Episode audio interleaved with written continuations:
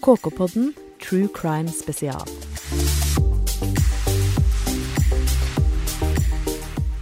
Hva skjedde med Joanna?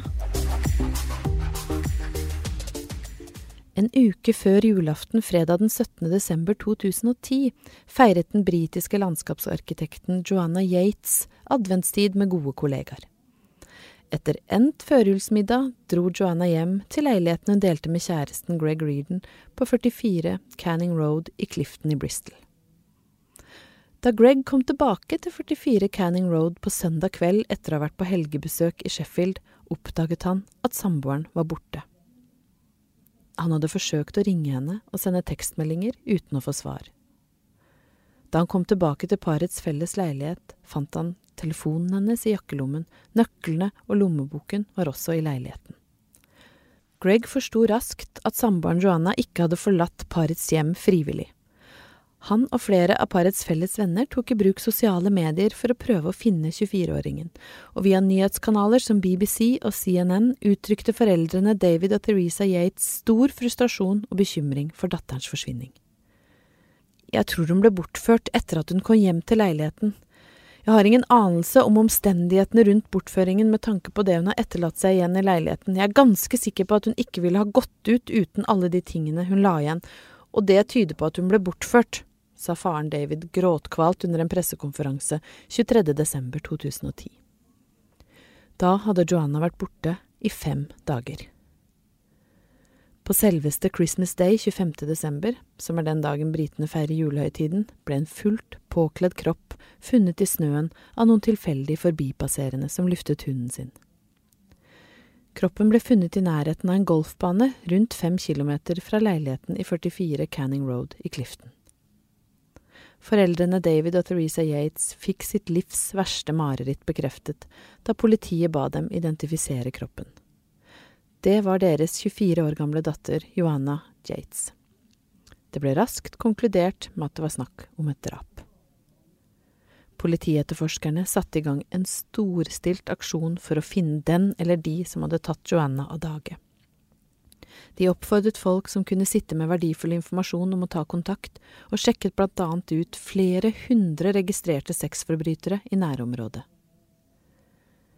Over én måned etter at Joanna var blitt funnet drept 30. januar 2011, bestemte politiet seg for å arrestere Joannas utleier Christopher Jeffreys, som bodde i samme leilighetskompleks som Joanna og kjæresten Greg.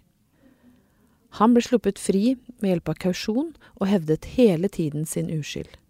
Og den 4. mars 2011 frafalt politiet ved The Avon and Somerset Constabulary mistanken rundt Christopher Jeffries. 20. januar hadde de nemlig peilet seg inn på den nederlandske 31-åringen Vincent Tabak, som bodde i naboleiligheten til Joanna og Greg.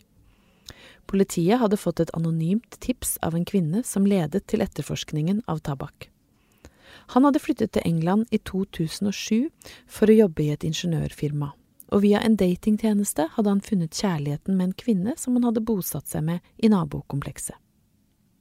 Politiet fattet også mistanke da Tabak ringte for å fortelle at utleier Jeffreys hadde brukt hans bil den 17. desember, dagen da Joanna ble drept.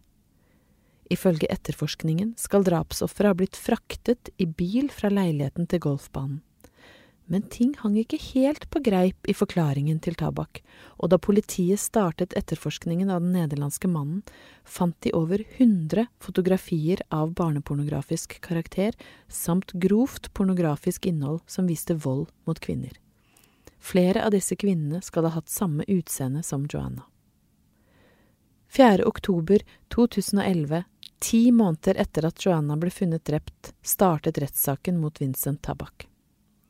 Han erkjente seg skyldig i uaktsomt drap, men benektet overlagt drap. Under rettssaken kom det frem at Joanna var blitt overfalt i leiligheten kort tid etter at hun kom hjem, og at kveling var årsak til dødsfallet. Det skal også ha blitt funnet DNA på Joanna som matchet med tabakk, og ifølge BBC skal Joanna ha pådratt seg 43 ulike skader som forvoldet hennes død. Og ifølge aktor Nigel Lickley ble Joannas blod funnet både i Tabaks bil og på frakken hans. Bevisene var såpass sterke mot Tabak at han til slutt altså innrømmet delvis skyld. Under rettssaken hevdet han at drapet ikke hadde vært seksuelt motivert, som aktoratet påsto, men at han hadde drept henne fordi hun skrek så høyt da han prøvde å kysse henne. Men juryen lot seg ikke påvirke av Tabaks utsagn.